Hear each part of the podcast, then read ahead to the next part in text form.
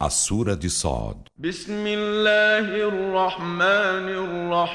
Em nome de Alá, o Misericordioso, o Misericordiador.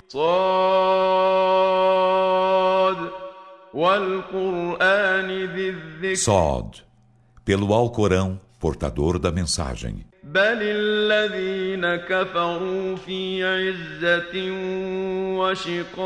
Os que renegam a fé estão, aliás, imersos em arrogância e discórdia. كم أهلكنا من قبلهم من قرن فنادوا ولا تحين مناص Que de gerações aniquilamos antes deles. Então bradavam enquanto não havia mais tempo para escapar. وعجبوا أن جاءهم وقال الكافرون هذا ساحر كذاب E eles se admiram de haver-lhe chegado um admoestador vindo deles.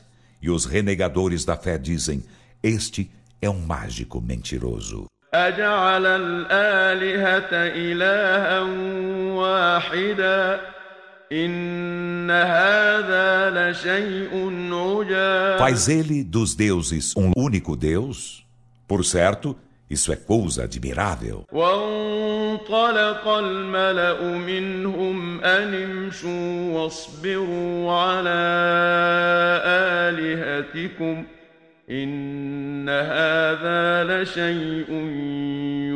E os dignatários entre eles foram adiante dizendo uns aos outros: Andai e pacientai quanto a vossos deuses, por certo, isso é coisa desejada. ما سمعنا بهذا في الملة الآخرة إن هذا إلا اختلاق Jamais ouvimos falar disso na última crença. Isso não é senão invenção. أنزل عليه الذكر من بيننا بل هم في شك من ذكري foi descida a mensagem somente sobre ele dentre nós? Mas eles estão em dúvida acerca de minha mensagem. Aliás, ainda não experimentaram meu castigo. أم عندهم خزائن رحمة ربك العزيز الوهاب ou têm eles os cofres da misericórdia de teu Senhor, o Todo-Poderoso, o Dadivoso?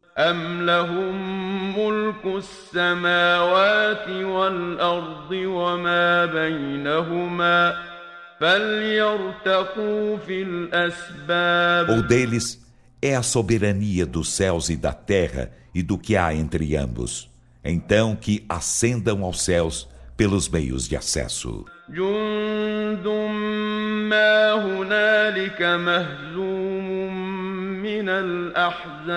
É um exército desprezível dos partidos que aí mesmo será derrotado.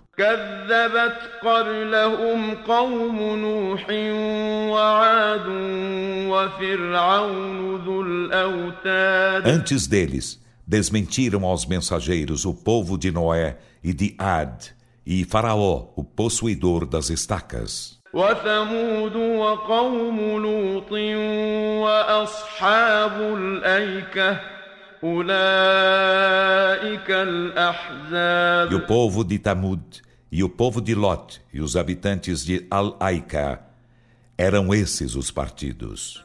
إن كل إلا كذب الرسل فحق Cada qual nada fez senão desmentir os mensageiros. Então, minha punição cumpriu-se.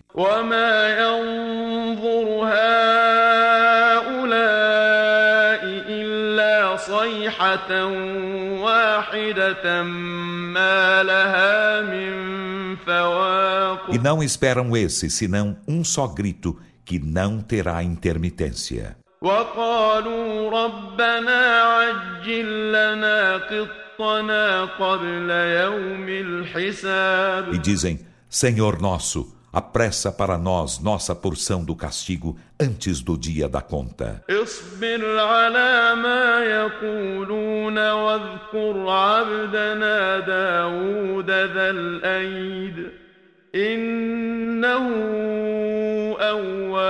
Pacienta, Muhammad, quanto ao que dizem e menciona nosso servo Davi, dotado de vigor. Por certo, ele era devotado a Allah. إنا سخرنا الجبال معه يسبحن بالعشي والإشراق Por certo, submetemos as montanhas para com ele glorificá-lo Allah ao anoitecer e ao nascer do sol. والطير محشوره e submetemos-lhe os pássaros reunidos, tudo lhe era devotado.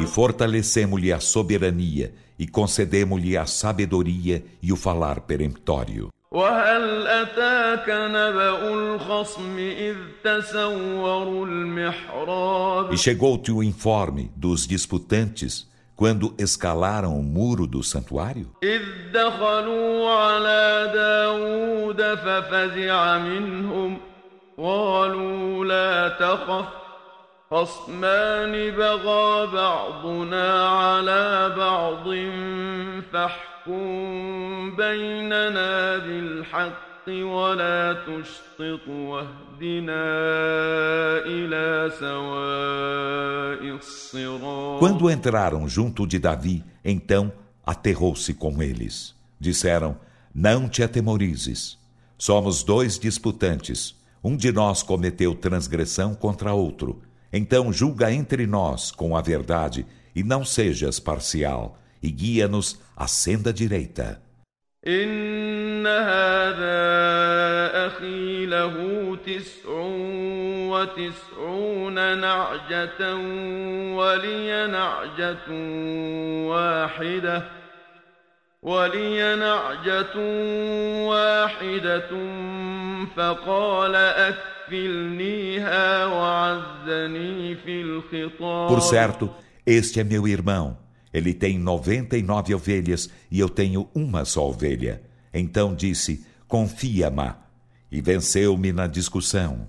قال لقد ظلمك بسؤال نعجتك إلى نعاجه وإن كثيرا من الخلطاء ليبغي بعضهم على بعض إلا الذين آمنوا وعملوا الصالحات وقليل ما هم ۖ وظن داود أنما فتناه فاستغفر ربه وخر راكعا وأناب Davi disse: Com efeito, ele cometeu injustiça contigo ao te pedir juntasses tua ovelha às suas ovelhas. E por certo, muitos dos associados cometem transgressão uns contra outros, exceto os que creem e fazem as boas obras. E quão poucos são eles! E Davi pensou que nós o provássemos. Então implorou perdão a seu Senhor e caiu em prosternação e voltou-se contrito para nós.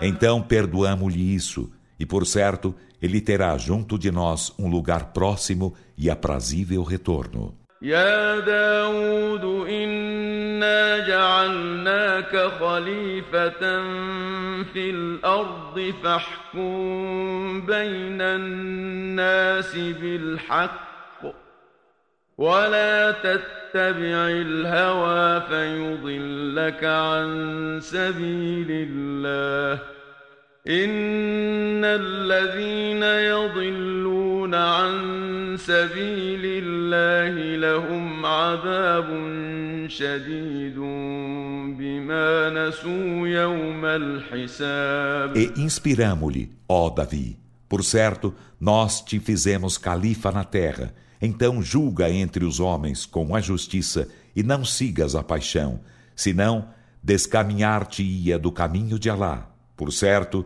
os que descaminham do caminho de Alá terão veemente castigo por seu esquecimento do dia da conta.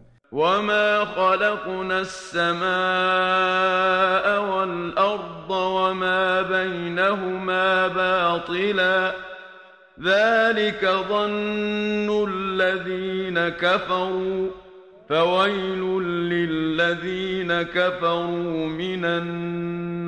E não criamos em vão o céu e a terra e o que há entre ambos. Essa é a conjetura dos que renegam a fé. Então, ai dos que renegam a fé por causa do fogo. أم نجعل الذين آمنوا وعملوا الصالحات كالمفسدين في الأرض أم نجعل المتقين كالفجار Consideraríamos os que creem e fazem as boas obras como os corruptores na terra? Ou consideraríamos os piedosos como os ímpios.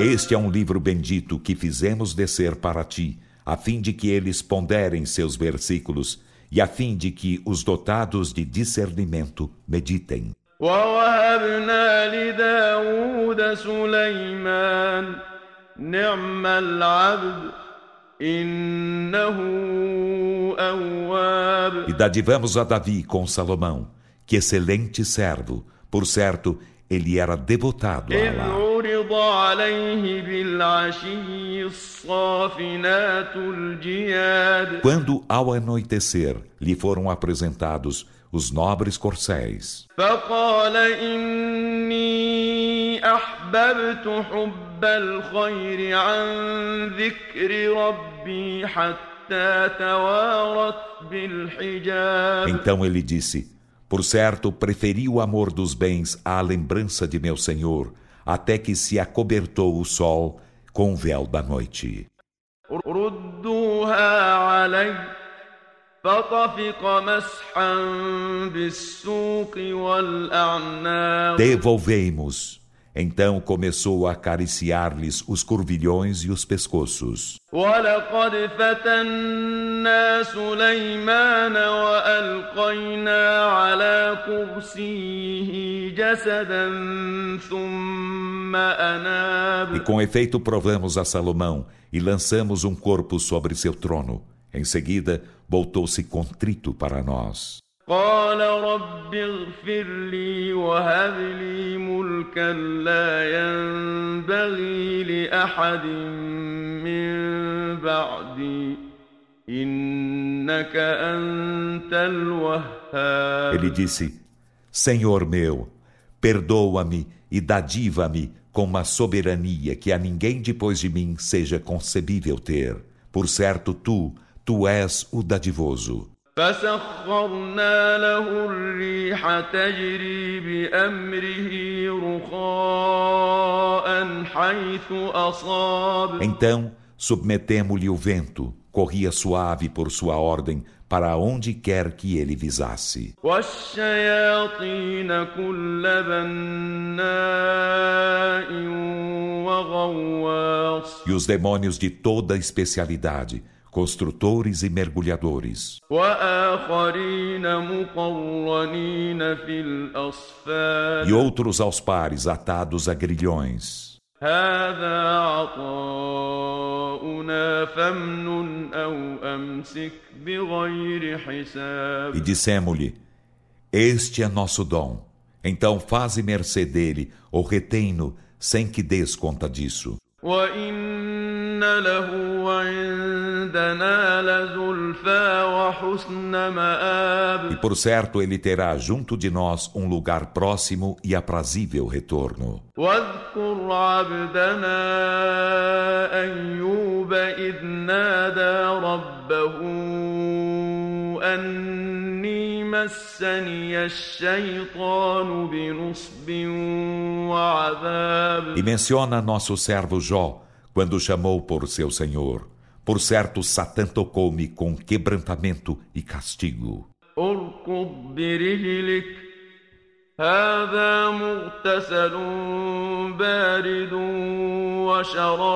Ordenamo-lhe: bate na terra com o pé. Eis uma água fresca para te lavares e beberes. ووهبنا له أهله ومثلهم معهم رحمة منا وذكرى لأولي الألباب E dadivamo-lo com sua família e com ela outra igual por misericórdia vinda de nós e lembrança para os dotados de discernimento.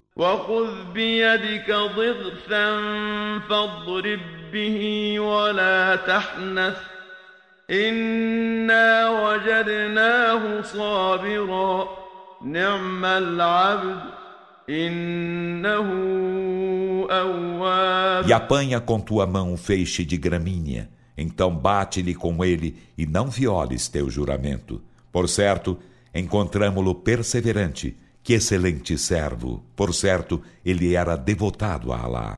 واذكر عبادنا إبراهيم وإسحاق ويعقوب أولي الأيدي والأبصار E menciona nossos servos Abraão e Isaac e Jacó, dotados de vigor e visão. إنا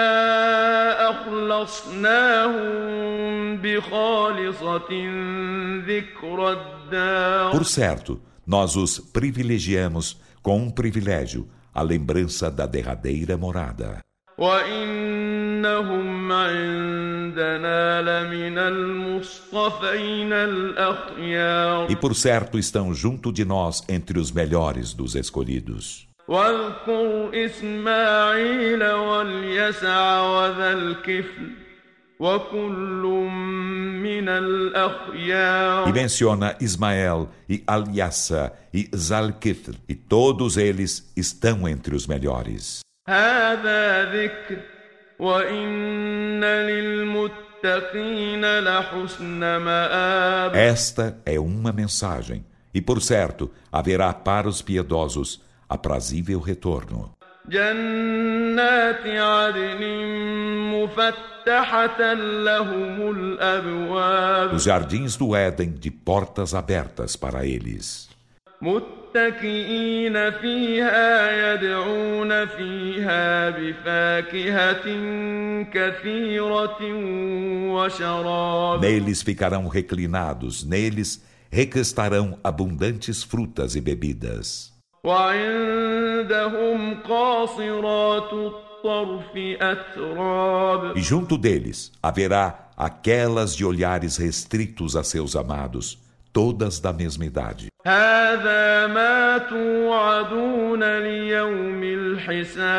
Isto é o que vos é prometido para o dia da conta.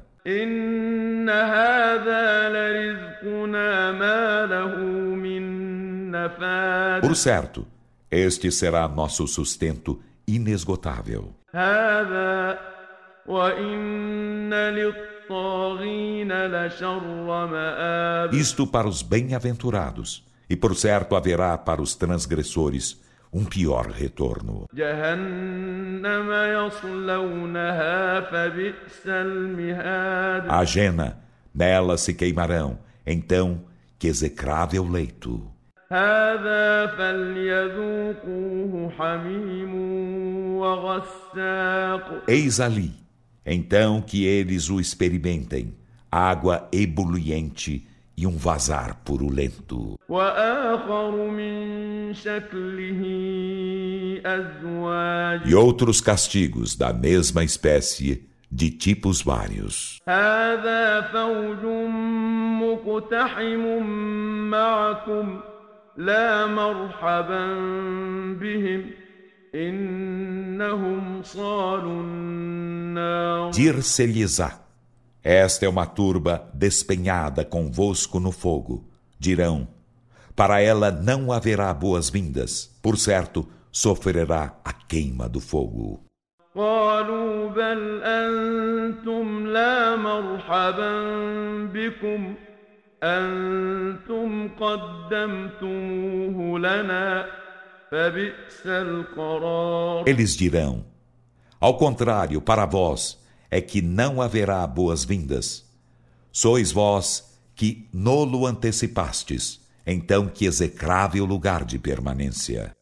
قالوا ربنا من قدم لنا هذا فزده عذابا ضعفا في النار Dirão: Senhor nosso, a quem nolo antecipou, acrescenta-lhe o duplo castigo no fogo. وقالوا ما لنا لا نرى رجالا كنا نعدهم من الأشرار E dirão eles: Por que razão não vemos uns homens que considerávamos dos malfeitores?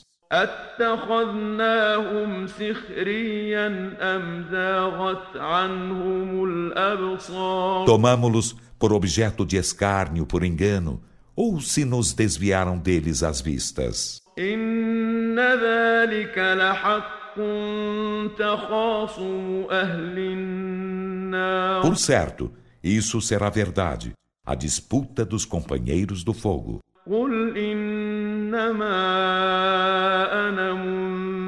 منذر وما من إله إلا الله الواحد القهار Dize Muhammad: Sou apenas admoestador, e não há Deus senão Alá, o único, o dominador. رب السماوات والأرض وما بينهما العزيز الغفار O Senhor dos céus e da terra, e do que há entre ambos, o Todo-Poderoso, o Constante, Perdoador. قل هو نبأ عظيم Dize: Ele é um magnífico informe, أنتم عنه معرضون ao qual estáis dando de ombros. ما كان لي من علم بالملأ الأعلى إذ يختصمون Eu não tinha ciência alguma da corte altíssima quando disputavam.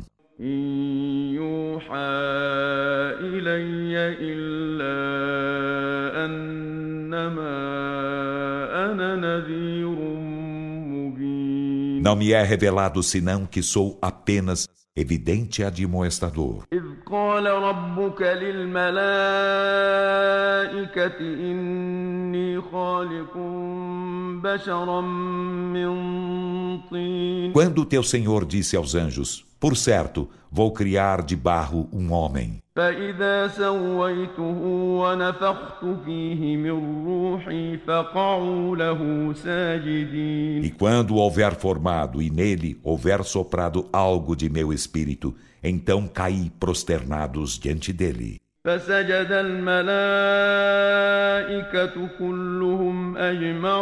E todos os anjos prosternaram-se juntos.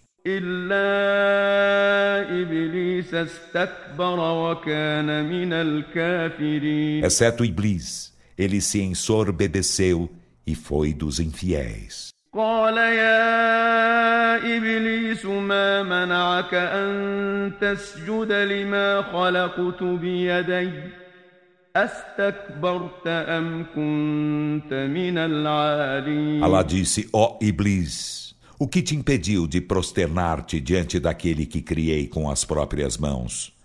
Ensoberbecer-te ou és de alta grei?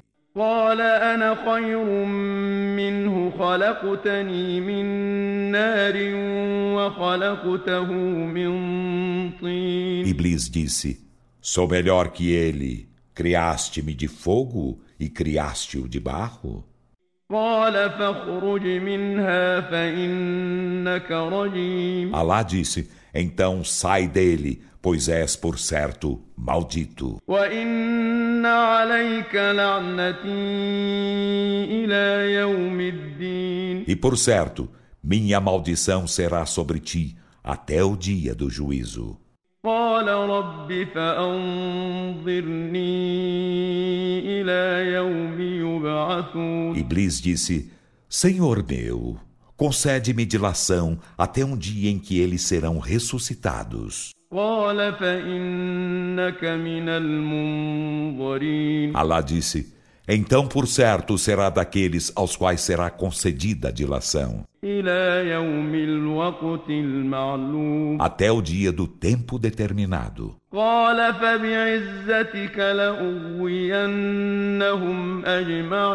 Iblis disse: então, por teu poder, eu os farei incorrer no mal a todos.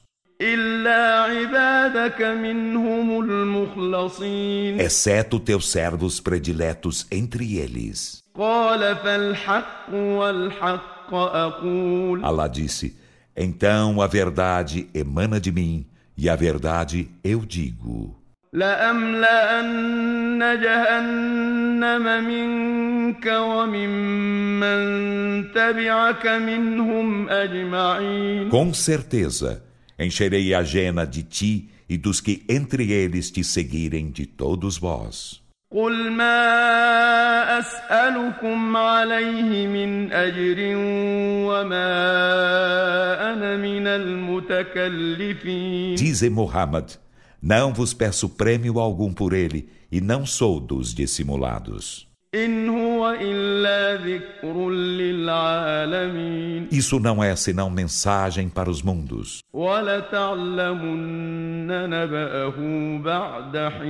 Em verdade, sabereis de seus informes após certo tempo.